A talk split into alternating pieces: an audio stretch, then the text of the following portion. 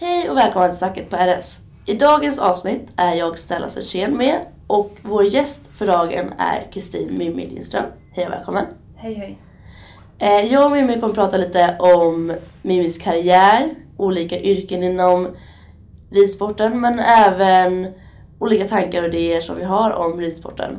Eh, Jag och Mimmi har känt varandra nu i två och ett halvt år, nästan tre år och eh, vi ska ha lite gott, gott snack. Du, när jag ska säga så här, bakgrund. När började du hålla på med hästar, rida och när kom du in i den här världen? Eh, oj, jag började rida på ridskolan när jag var sex år. Mm. Eh, på en ridskola där man behövde vara sju för att börja. Men jag kunde inte vänta så jag fick följa med min stora syster när hon började rida. Och sen har jag aldrig slutat. Det, det blev lite fel, du var, var tvungen att fortsätta hela tiden. ja.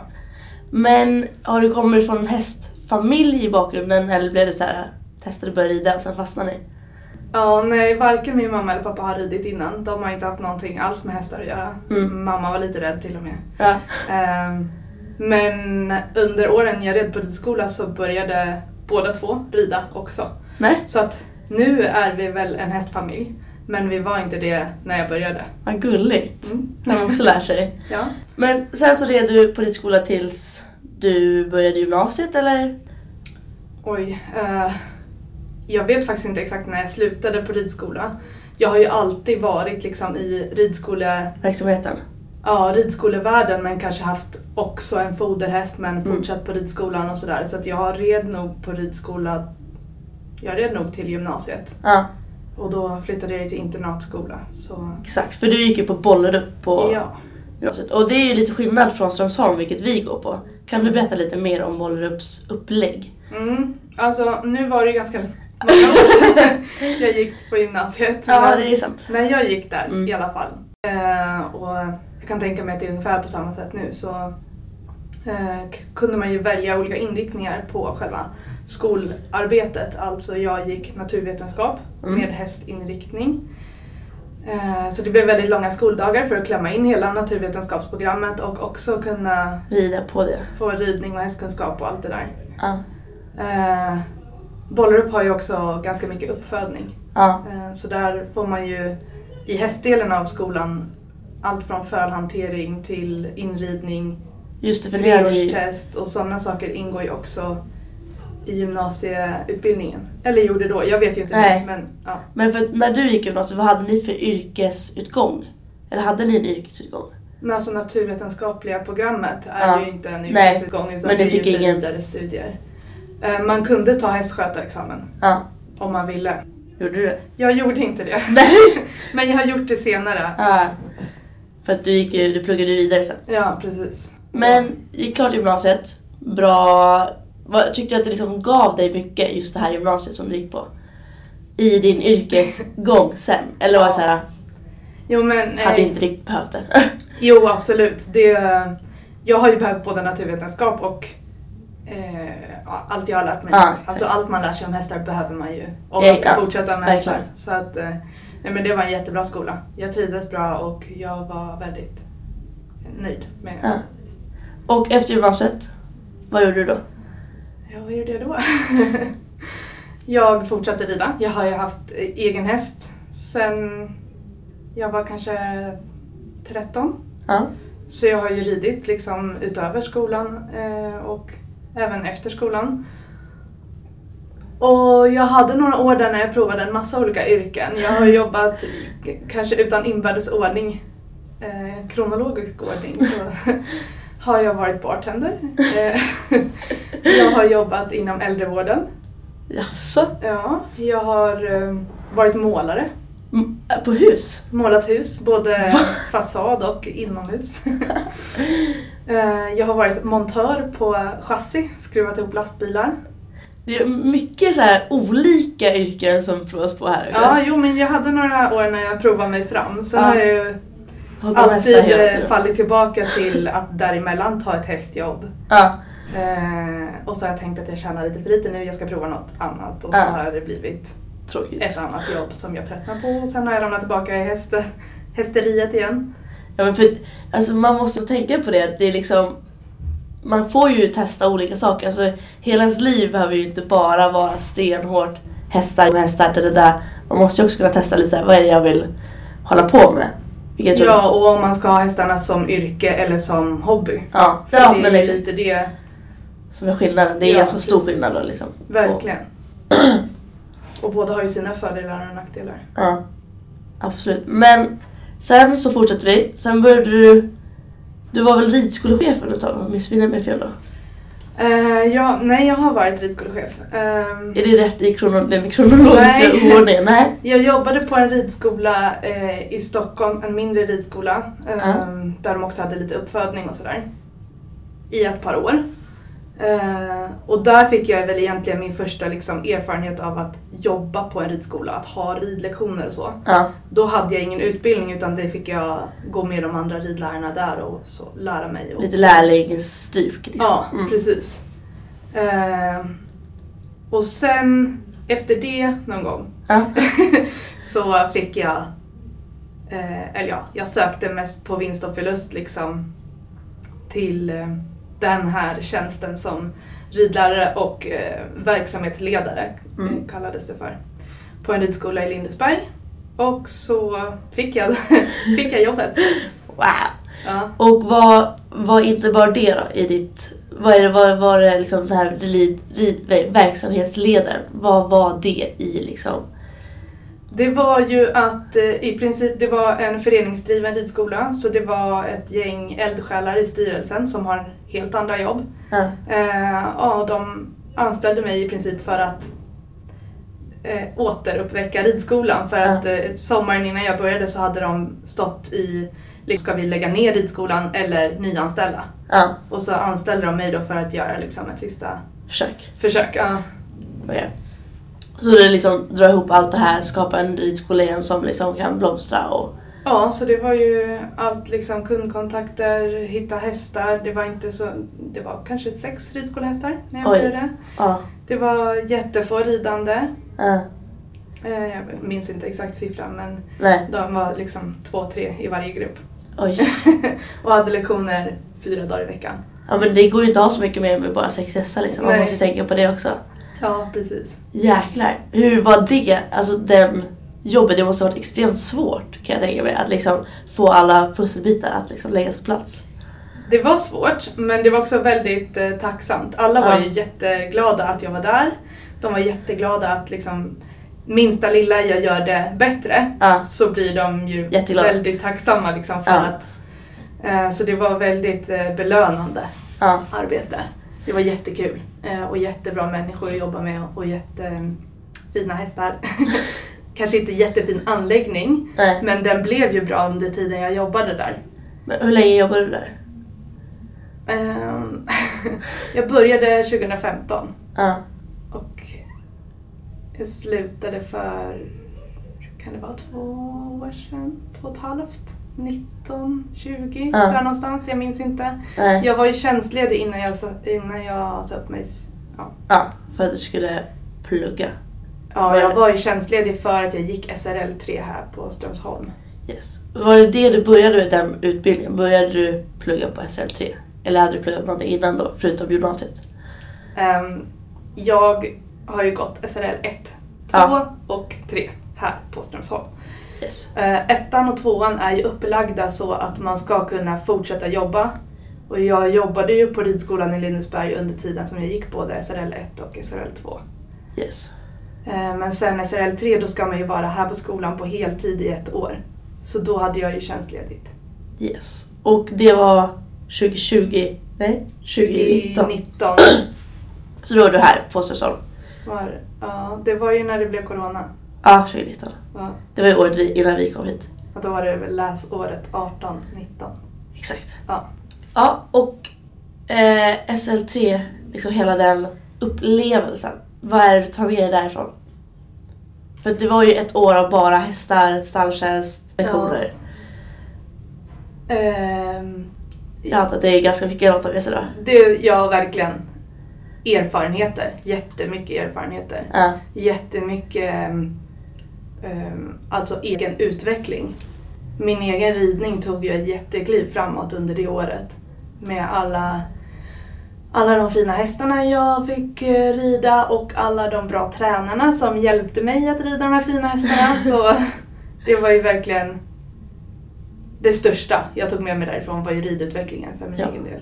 För att när man går SL3 då har man alltså en dressyrhäst, en hopphäst och en unghäst ungefär. Som är två utbildade dressyr och hoppning och en unghäst. Ja. Eh, och då tränar vi både på dressyr, hoppning och unghäst och har de här hästarna för att ta hand om dem året runt. Stämmer? Mm. Ja, eller när vi gick eh, SRL3 då hade vi faktiskt en dressyrhäst, en äldre dressyrhäst, en yngre dressyrhäst. Ja, okej. En äldre hopphäst och en yngre hopphäst var ju Okej. liksom grun- grundidén Ja. då. Men jag tror att nu är det hoppdressyr och unghäst. Okej, ja. För att då fick man ju liksom både det här rida in eller lära hästarna och lära av redan Mm. väldigt utbildade hästar. Mm. Men du, man rider ju inte bara utan du läser ju också liksom, teoretiska kurser. Ja, Och vad är det för kurser som är och i... det är mycket pedagogik och ledarskap och liksom ridskole... Ridskoleledarskap. Ja, Ja, hur man driver ridskola. För där, SRL3 är väl mer att utbilda både kanske ridskolechefer men eh, också de som ska utbilda framtidens ridlärare. Så det är liksom ridlärare för ridlärare. exakt. För att de här SRL 1, 2, 3 det är ju olika nivåer inom svensk ridlärare. Ja. Så att eh, SL1, vilket vi går ut med nu man gör provet, är ju den lägsta och sen så går vi högre och högre upp. Så då har ju du läst alla tre stegen. ja. Tycker att det är en bra liksom, följning att liksom börja på SL1. Liksom tycker att de kompletterar varandra bra, den kurvan. ja, absolut. Det är väldigt, eh, Nyttiga, om man vill bli ridlärare ja, men väldigt ska väl man- genomtänkt. Och det, är liksom, det börjar verkligen från början med SRL1 och hur man för en ridlektion och sådana saker. Och sen upp till hur man driver en ridskola. Liksom. Exakt, för vi har ju mycket att vi har, vi går ut på APL och jobbar på ridskola och liksom själva det här liksom jobba på ridskola och ha lite lektioner och vi har lektioner för varandra. Eh, och sen när jag går i SL2 då var vi ute på längre sån här eh, vi, vad heter det nu då? Det är ju som prakt, praktiker fast det är ju för, vad heter det? VF? VFU, Ja, VFU exakt. verksamhetsförlagd utbildning. Exakt, de är de är längre perioder Ja. där man också jobbar på ridskola, har lektioner. Hade ni lektioner i SL3 eller var det mest drivandet och liksom själva pedagogiken i teori?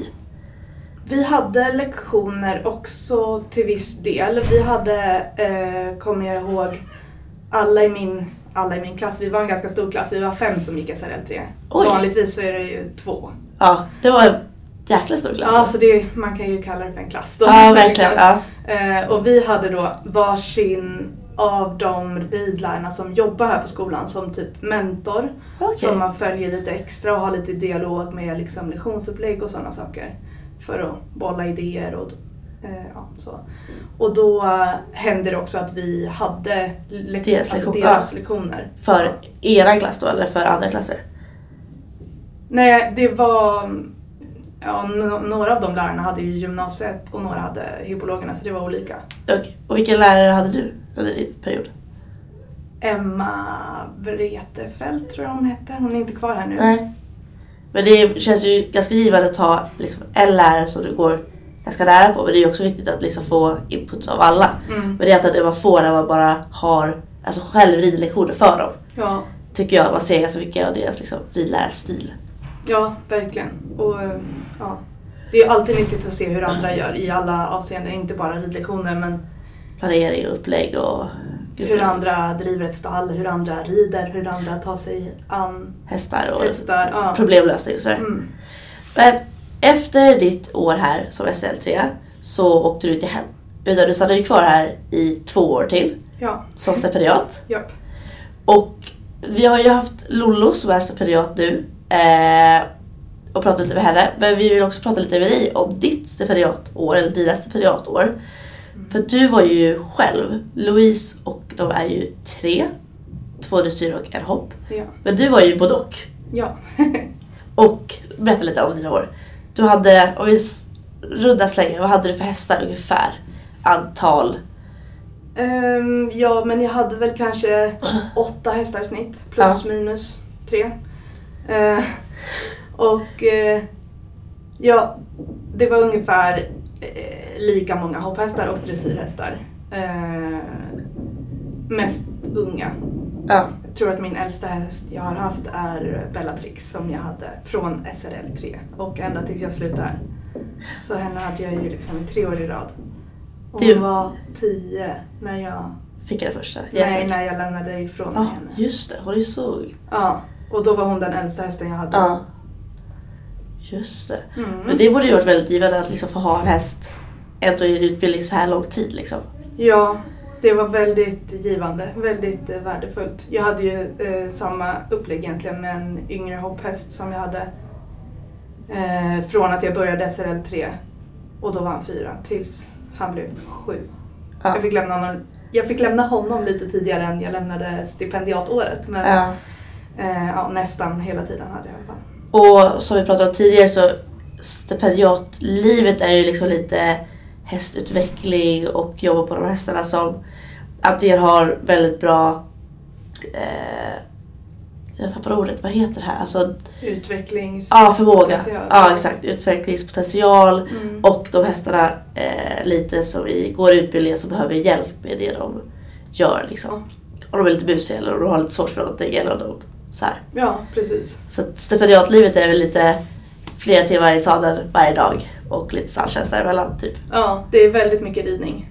Och väldigt mycket ridning på olika hästar. Och sen har man ju samtidigt mycket hjälp av eh, Lärare. sina lärare, tränare, de som man jobbar med som stipendiat. För det är ju, du går ju som stipendiat fortfarande på träningar. Till exempel med SL3 brukar vara ganska vanligt Mm.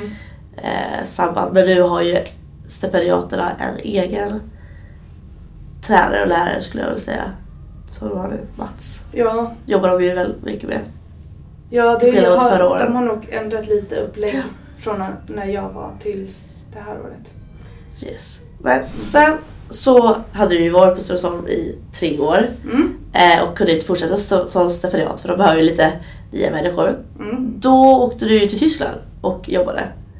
Berätta lite om det. För det var ju en, ett, också ett stipendiat. Ja, Det blev ett till stipendiat. ja, exakt. Jag är, verkar vara bra på att hitta stipendiatmöjligheter. Men eh, ja, det här var ju ett Erasmus plus-stipendie eh, som ger möjlighet att åka max fyra månader utomlands i, i samband med avslutad utbildning. Eh, och då har ju jag gått SRL 3 för två år sedan, men eftersom det var Corona så Ja. hade man, när jag slutade SRL 3, inte kunnat åka utomlands. Så Så jag fick göra det, exakt, jag fick göra det nu, eller ja, i höstas istället. Yes. Och då åkte du till Tyskland. Då åkte jag till Tyskland i fyra månader. Eh, jag var två månader hos eh, Philip Hess, en dressyrryttare, som har mycket unghästar, visar mycket hingstar. Eh, ja, så det är mycket utbildning liksom. Det är inte ett rent tävlingsstall utan mer ett utbildningsstall. Exakt. Och så var jag två månader hos Louise och Claes Romaike, fälttävlansryttare. Så det blev en, total omsväng där från att ha långa dressyrläder till att börja hoppa lite hinder igen. Ja, det var lite stelt i hoppsadeln första dagen. Men för att jag var ju också på Philip Hess under eh, en månad och... Nej, var jag på en månad? Tre veckor. Hur länge var jag där? Gud, jag kommer inte ihåg. Ja. Tre veckor. ja, tre veckor tror Jag var i tre veckor av dina två månader där. Mm. Eh, så det var ju väldigt roligt att vi kunde träffas. För att er som inte vet det här, det är ju såklart så svårt för er att veta det här. Men jag och Vivi har ju eh, känt varandra nu i två och ett halvt år ungefär. Vi, eh, jag började hjälpa Vivi och de två SL3 och så var då eh, när jag började ettan. Ja. Och sen har vi hängt ihop lite med att jag hjälper dig och jag får rida lite på dina hästar och så, sådär. Så att då eh, när du också skulle ut på pra- praktik eller eh, ditt stipendiat, vad heter det? Ja. Ja det är väl det är bara st- alltså ditt stipendiat, å, eller dina stipendiat, stipendiatmånader i Tyskland. Mm. Så åkte jag till samma ställe för att eh, kul att ha någon som man känner där Mm. och eh, läsa vid ett roligt ställe. Och eh, för mig var det också väldigt skönt att ha liksom någon som man liksom känner och kan eh, få lite hjälp av och sådär. Efter en tid hos häst så gick du vidare. Vad, gjorde, vad var det liksom skillnaden i vad du gjorde? Var det så stora skillnader i... För det du var där för att göra var ju liksom... Det var ju mycket ridning, lite stall, se hur de sköter sina verksamheter liksom. Ja, Vad var de stora skillnaderna skulle jag säga? på de två ställena. Mm. Oj, ehm, alltså hos Filip Häst var det ju var det 75-80 hästar någonting. Ja. det var jättestort. Det var många olika stall, det var mycket folk. Eh, både privata hästar och utbildningshästar. Och det var en stor anläggning. Mm. Eh, och hos Louise är man ju hemma på gården. Det är ju Ja. liksom bara familjen. Det var 12 hästar i stallet när Oj. jag var där. De brukar ha lite fler. Ja. Eh, så liksom rent logistiskt och hur man jobbar. Ja, så det blir ju stor skillnad för att det är ett, ett väldigt litet stall och ett väldigt stort stall. Mm. Hos Filip tog det ju så en vecka att bara hitta liksom. För det var ju Ja. så många små stall. Ja, precis. Det var liksom fyra boxar där, fem boxar där, åtta Ja. boxar där. Du, du, du, du. Hagar överallt, hästar överallt. Ja, verkligen. Men du hade ungefär samma upplägg på jobb, eller? Eh, ja, alltså i grunden är det ju väldigt likt eh, jo, alltså arbetet i alla stall med ridhästar Mm. är ju man fodrar, man mockar, hästar ska ut, hästar ska in och sen ska det ridas. Alltså, ja, ja. eh, hos Filip, eftersom han har mycket fler hästar så red jag ju mer. ja. Där red jag ju i snitt kanske 10 hästar om dagen. Mm. Eh, hos Louise red jag typ fyra ja. hästar om dagen ungefär. Men vad är det du skulle säga? Att jobba utomlands är ju, kan, ju för, kan ju ofta vara väldigt olika från att jobba i Sverige. Mm. Själva den delen, alltså att jobba utomlands, är det någonting du känner så här framtiden, senare, är det någonting du skulle vilja göra? Varför, varför inte? Fördelar, nackdelar? Ehm, nu har ju jag precis startat företag så Mm. vill Vi ju kommer till det också. jobba med det. Men eh, det är inte omöjligt att jag skulle jobba utomlands igen. Nej, Eh, men det är inget jag liksom... det är ingen dröm. Det är ingen eh, dröm så att det ska vara just utomlands. Nej, Jag har ju varit utomlands i ett par omgångar. omgångar liksom och jag vet hur det är och det är eh, väldigt givande också. Men ja, så att man får se. Mm. Varken ja eller nej. Nej.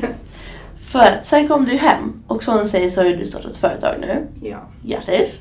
Känns som en ganska liksom, stor grej att det är liksom ett ganska stort... Eh, man tar på sig ganska mycket när man startar Mm. ett företag. För man vill ju Mm. att det ska såklart blomstra. Verkligen. Eh, och det är jätteroligt att du är tillbaka här i närheten av Strömsholm i alla fall. Mm. Eh, nu har du ett företag, det är sex eh, boxplatser. Ja. Eh, där du kommer ha, berätta lite om ditt företags liksom, pitcha här lite för oss. ja, nej men det är ju eh, hästutbildning jag håller på med i första hand. Jag eh, erbjuder även privat träning för folk med egen häst. Och eh, just nu, stallet var tidigare inackorderingsstall så att jag har några inackorderade som står kvar. Ehm, så ja, lite så. Mm. Stallplatsuthyrning också. ja, det blir det. Liksom. Det blir ju det. Men eh, huvudsysslan är och ska vara eh, hästutbildning. Mm. Och du har ju just nu fullt stall med lite olika typer av hästar. Mycket Mm. unghästar som ska ridas in eller utvecklas. Mm. Och det är liksom lite roligt, det kommer vi liksom till, lite tillbaka till ditt gymnasieperiod här. Att du liksom började också med de unga hästarna och nu fortsätter du med dem i din arbetsliv. Eh, Ja. Men det här med att starta företag. Har, känner du att det var lite som du hade trott eller är det mycket eller är det annorlunda än vad du hade planerat att det skulle bli?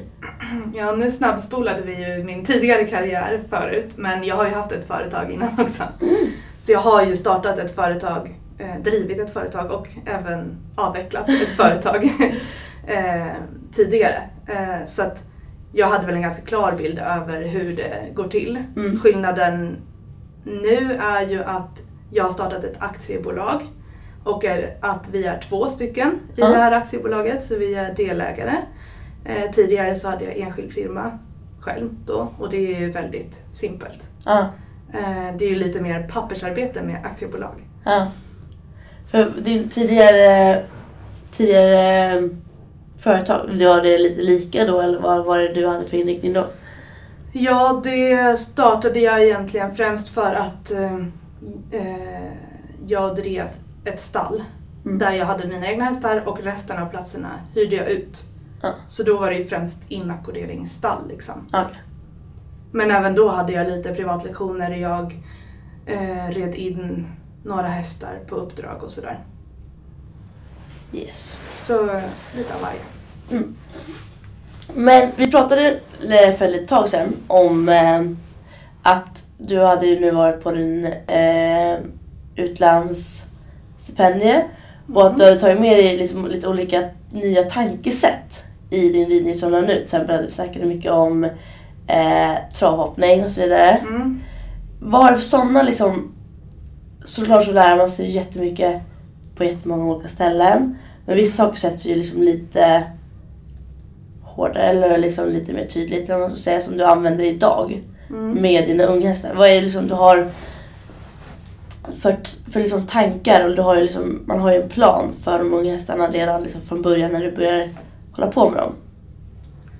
Ja, alltså jag har ju genom åren skaffat mig själv ett ganska tydligt system eh, för unghästutbildning med hjälp av olika tränare och tagit liksom russin ur många kakor Ja.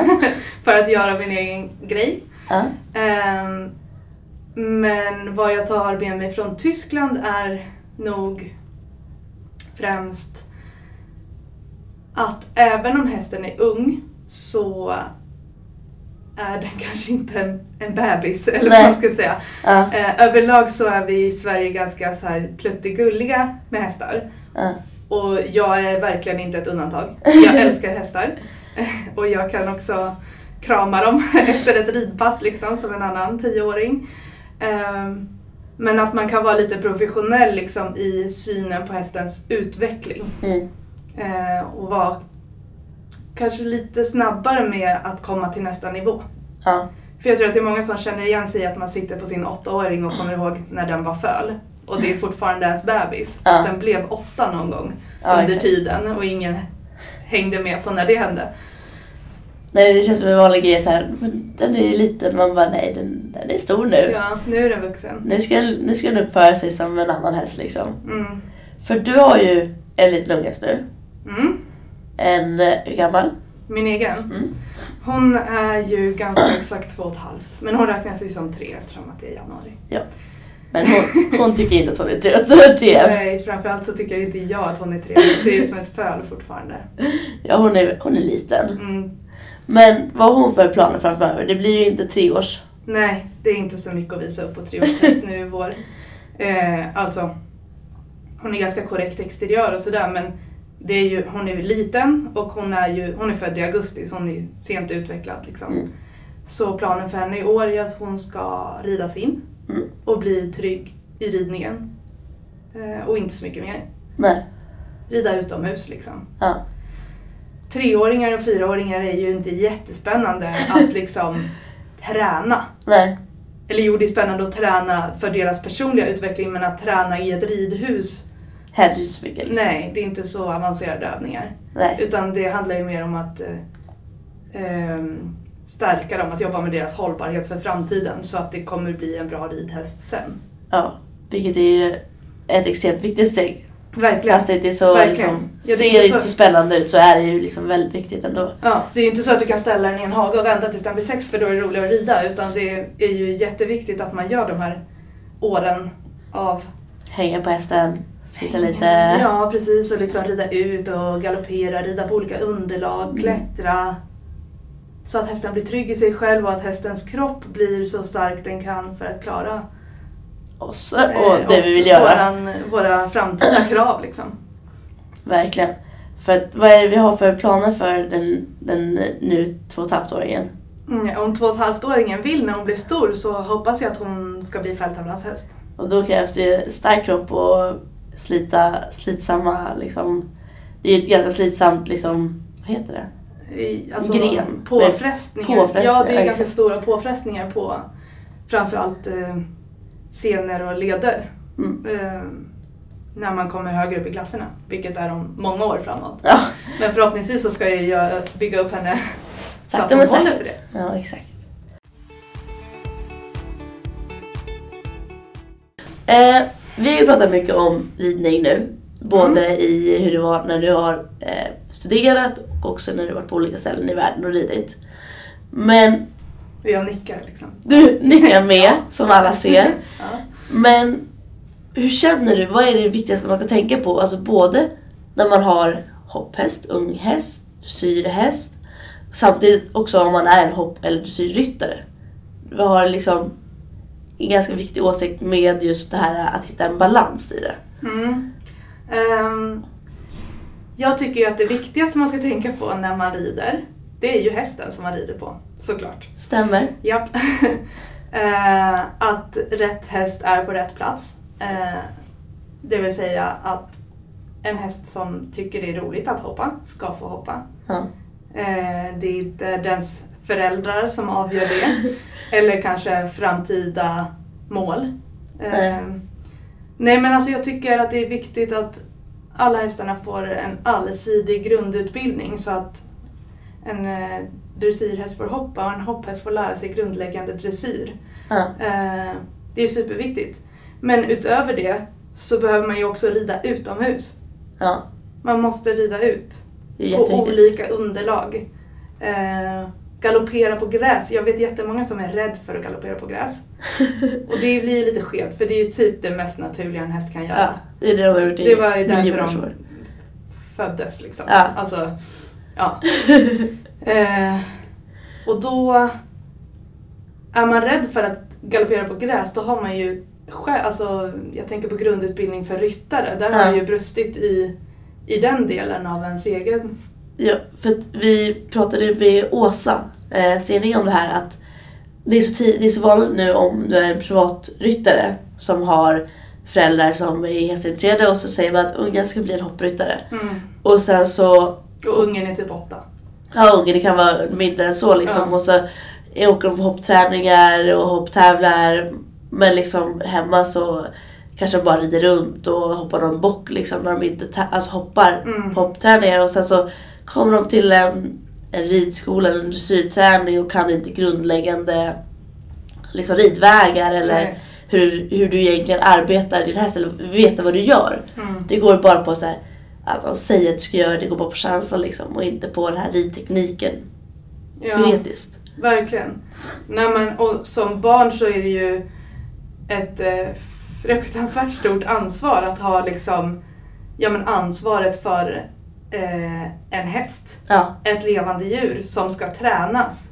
Det är liksom inte en hamster som lever i en bur utan den här hästen ska då det här lilla barnet på 8-10 år ansvara för träningen av. Det blir ju lite skevt. Där är det jätteviktigt att man har liksom kunniga vuxna runt sig som faktiskt ser till att även om man inte går på ridskola så får man lära sig grunden. grundridning. Ja, precis. Och varför man gör det.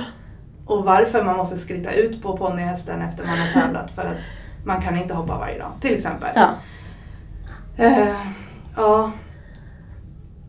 Och det gäller ju också, som du sa tidigare, den unga hästen eller den vuxna hästen, att den får göra allt. ja. Att Jag tänker på eh, en unge som du har ganska nära, Linus, som Ja. du jobbar med mycket med. Att han är ju avlad för dressyr. Mm. Eh, men har Han är en jättebegåvad dressyrhäst. Ja. Alltså jättefin. superfin. Han kommer gå långt. Men har också fått vara på terrängbanan hoppat. Och varit på banhoppning, startat några payjumps. Mm. Alltså bara för att han är avlad och planerad för att bli en stor dressyrstjärna så skadar det absolut inte att ta några språng ibland och rida ut skogen och busa. Nej, absolut inte. Och den här hästen har ju jag eh, ridit in och ridit sen han blev inriden. Eh, och han är ju som sagt jättebegåvad och allt han lär sig är lätt. Ja, han kan Eh, allt. men han är också ganska stor, han är ganska ivig, han är Jag, tycker, jag skulle vilja säga att han har humor. Men han är liksom levnadsglad. Han Ja. tycker det är kul. Han tycker allt är roligt. Ja.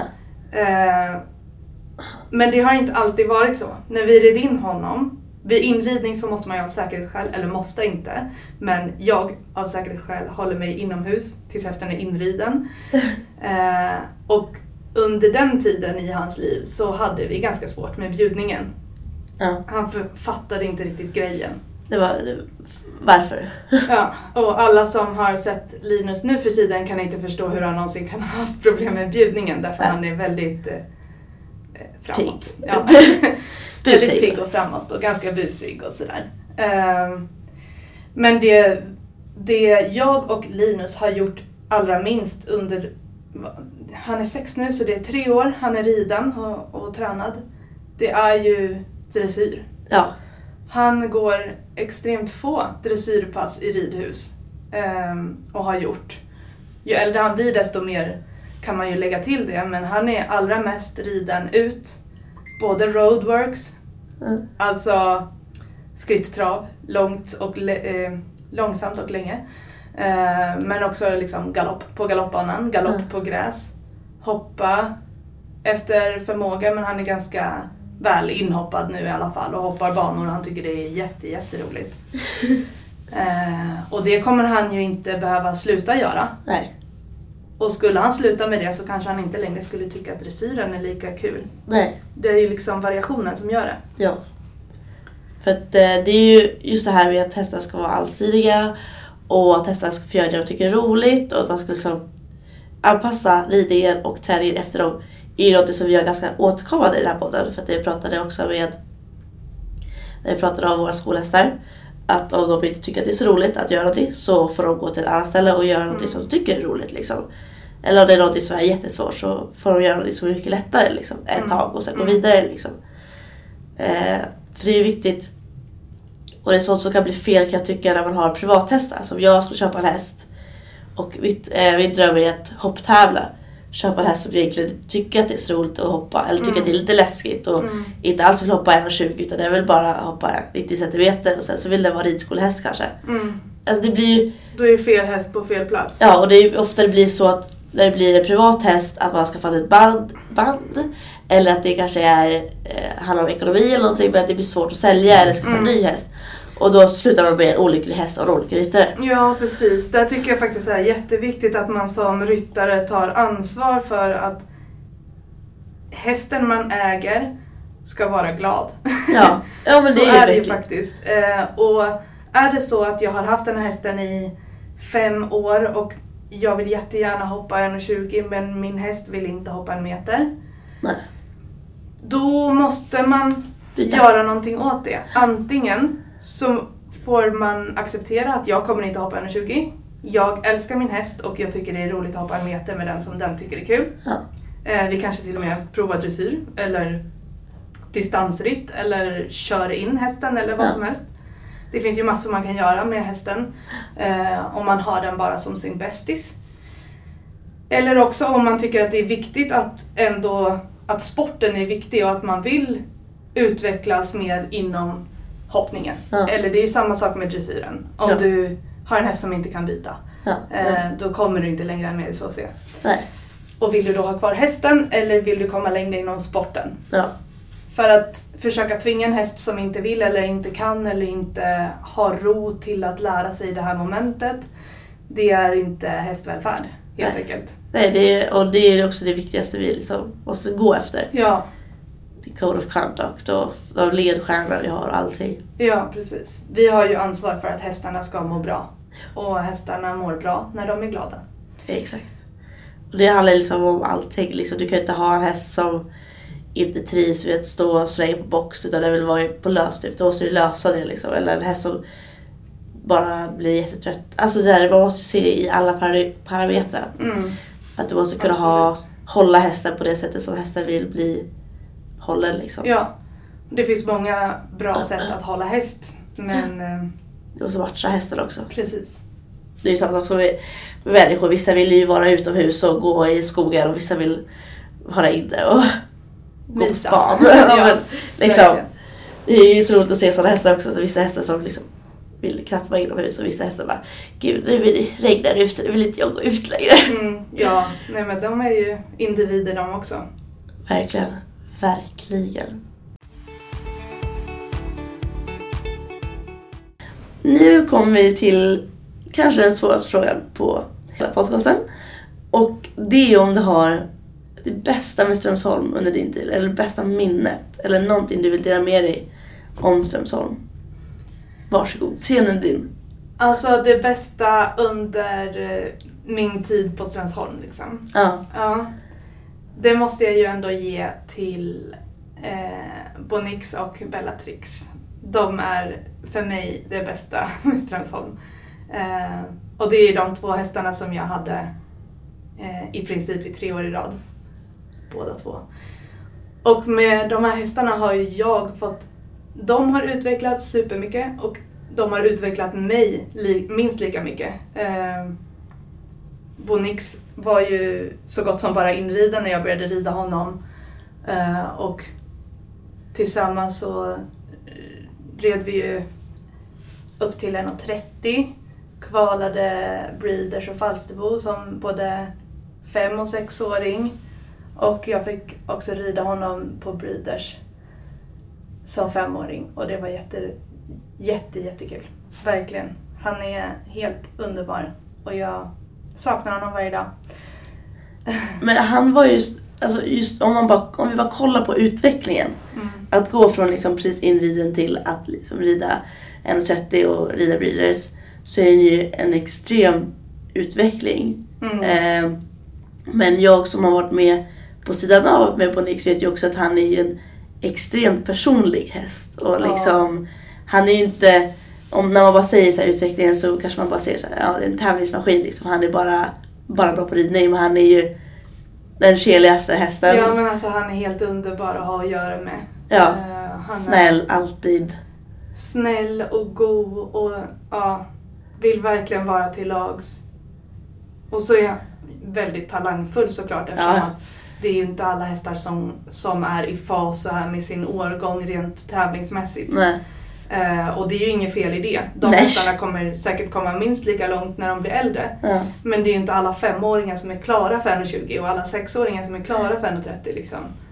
Eh, Men för honom har det ju bara varit en del i utbildningen. ja. Vi har liksom inte hetsat för att klara en viss klass. Nej, ni bara Utan- checkade av allting och så var Ja det men där. precis, han har bara checkat av alla rutor hela tiden och, Ja. och sen har vi kunnat...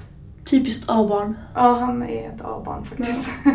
Så här, den här jobbiga eleven i skolan som bara gör allting rätt, det är han. Ja, Och så är han också snäll så man kan inte vara arg på honom. Så det var nej, jättegullig verkligen. Och Bellatrix. Bellatrix började rida, då var hon sju, vi har ju pratat lite om Ja. henne innan. Ja. Ehm, och hon är ju då dressyrstammad. Bellagio His Highness. Mm. Ehm, och hade nog startat kanske någon medelsvår B. Jag är inte helt hundra, men hon hade tävlat lite som unghäst i alla fall. Och jag tror kanske hon till och med har gått breeders som typ fyraåring.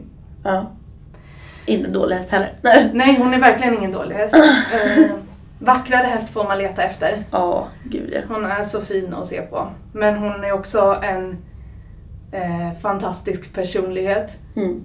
Hon är modig och klok och hon vill mycket i livet och hon vet vad hon vill. Eh, Hon är så rolig, jag brukar alltid säga att hon är lite divig för att hon, hon vet att hon är ja, hon bra. vet att hon är, att Men hon hon är in- fin och att hon är duktig. Alltså hon går in i ett ridhus och sen står hon där och bara Kolla. Varsågod att beundra mig. Så jävla, men också så att hon säger så, så jäkla klok. ja.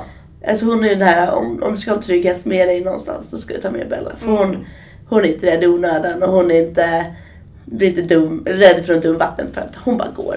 Och så Ja. gör hon bara det hon ska göra och så gör hon det jättebra. Ja, jätte, jättehärlig att jobba med. Men när jag började rida henne så hade jag ganska svårt. Eh, jag var inte jättevan att rida dressyrhästar då. Eh, Och hon var så begåvad men hon behövde också ganska mycket utbildning och jag kände ofta att klarar jag verkligen av det här? Eh, men det blev ju bättre Ja. och bättre. Väldigt. Och vi har lärt oss så himla mycket ihop och eh, jag hade aldrig varit där jag är i dressyren utan Bellatrix. Ja. Eh, jag vet inte hur många klasser vi har liksom debuterat ihop men vi har ju ridit upp till eh, intermediär lyckades vi, har vi gjort två starter i innan jag fick lämna ifrån mig henne till Ja. nästa ryttare och det var helt fantastiskt. Jag har aldrig i hela mitt liv trott att jag skulle rida intermediär dressyr. Men, Men tack vare Bella.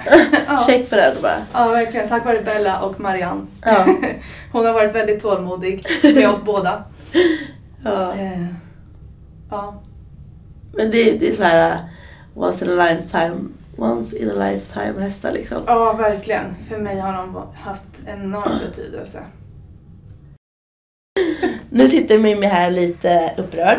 För att vi ska då ta fram och göra våra fem snabba och hon har ju fuskat och lyssnat på podden så hon vet ju lite frågorna och är redan upprörd. Okej, då kör vi. Fem snabba med Mimmi. Morgonfodring eller kvällsfodring? Morgonfodring. Sto eller vallack? Stor. TikTok eller Instagram? Instagram. Fartfylld utekväll eller lugn hemmakväll? Hemmakväll. Dressyr eller hoppning? Nej. Nej. Nej. Den här frågan kan jag inte svara på. Det är omöjligt. Jag har aldrig svarat ärligt på den här frågan. Eller ärligt. Mitt ärliga svar är båda. Det finns inget svar. Nej. Men det är ändå, tycker jag, en väldigt rimlig svar, sak att säga. Ja, tack. Varsågod. För att eh, det, de är bra på olika saker alltså. Eller olika, de är bra på olika sätt säger man kanske. Jag tycker att Och roliga. mm, för det ena har man hjälp av det andra. Ja, I hoppningen behöver man dressyren och dressyrhästar behöver också hoppa. som vi sa innan. Mm. Med det sagt så avslutar vi veckans podcast. Jag vill tacka Mimmi för att du var med. Och eh, väldigt roligt att ha dig här. Tack för att jag fick komma. Ja. Och eh, ni hittar oss som vanligt på olika sociala medier som RS Podcast UF eller Snacket på RS. Och vi ses nästa gång. Hej då!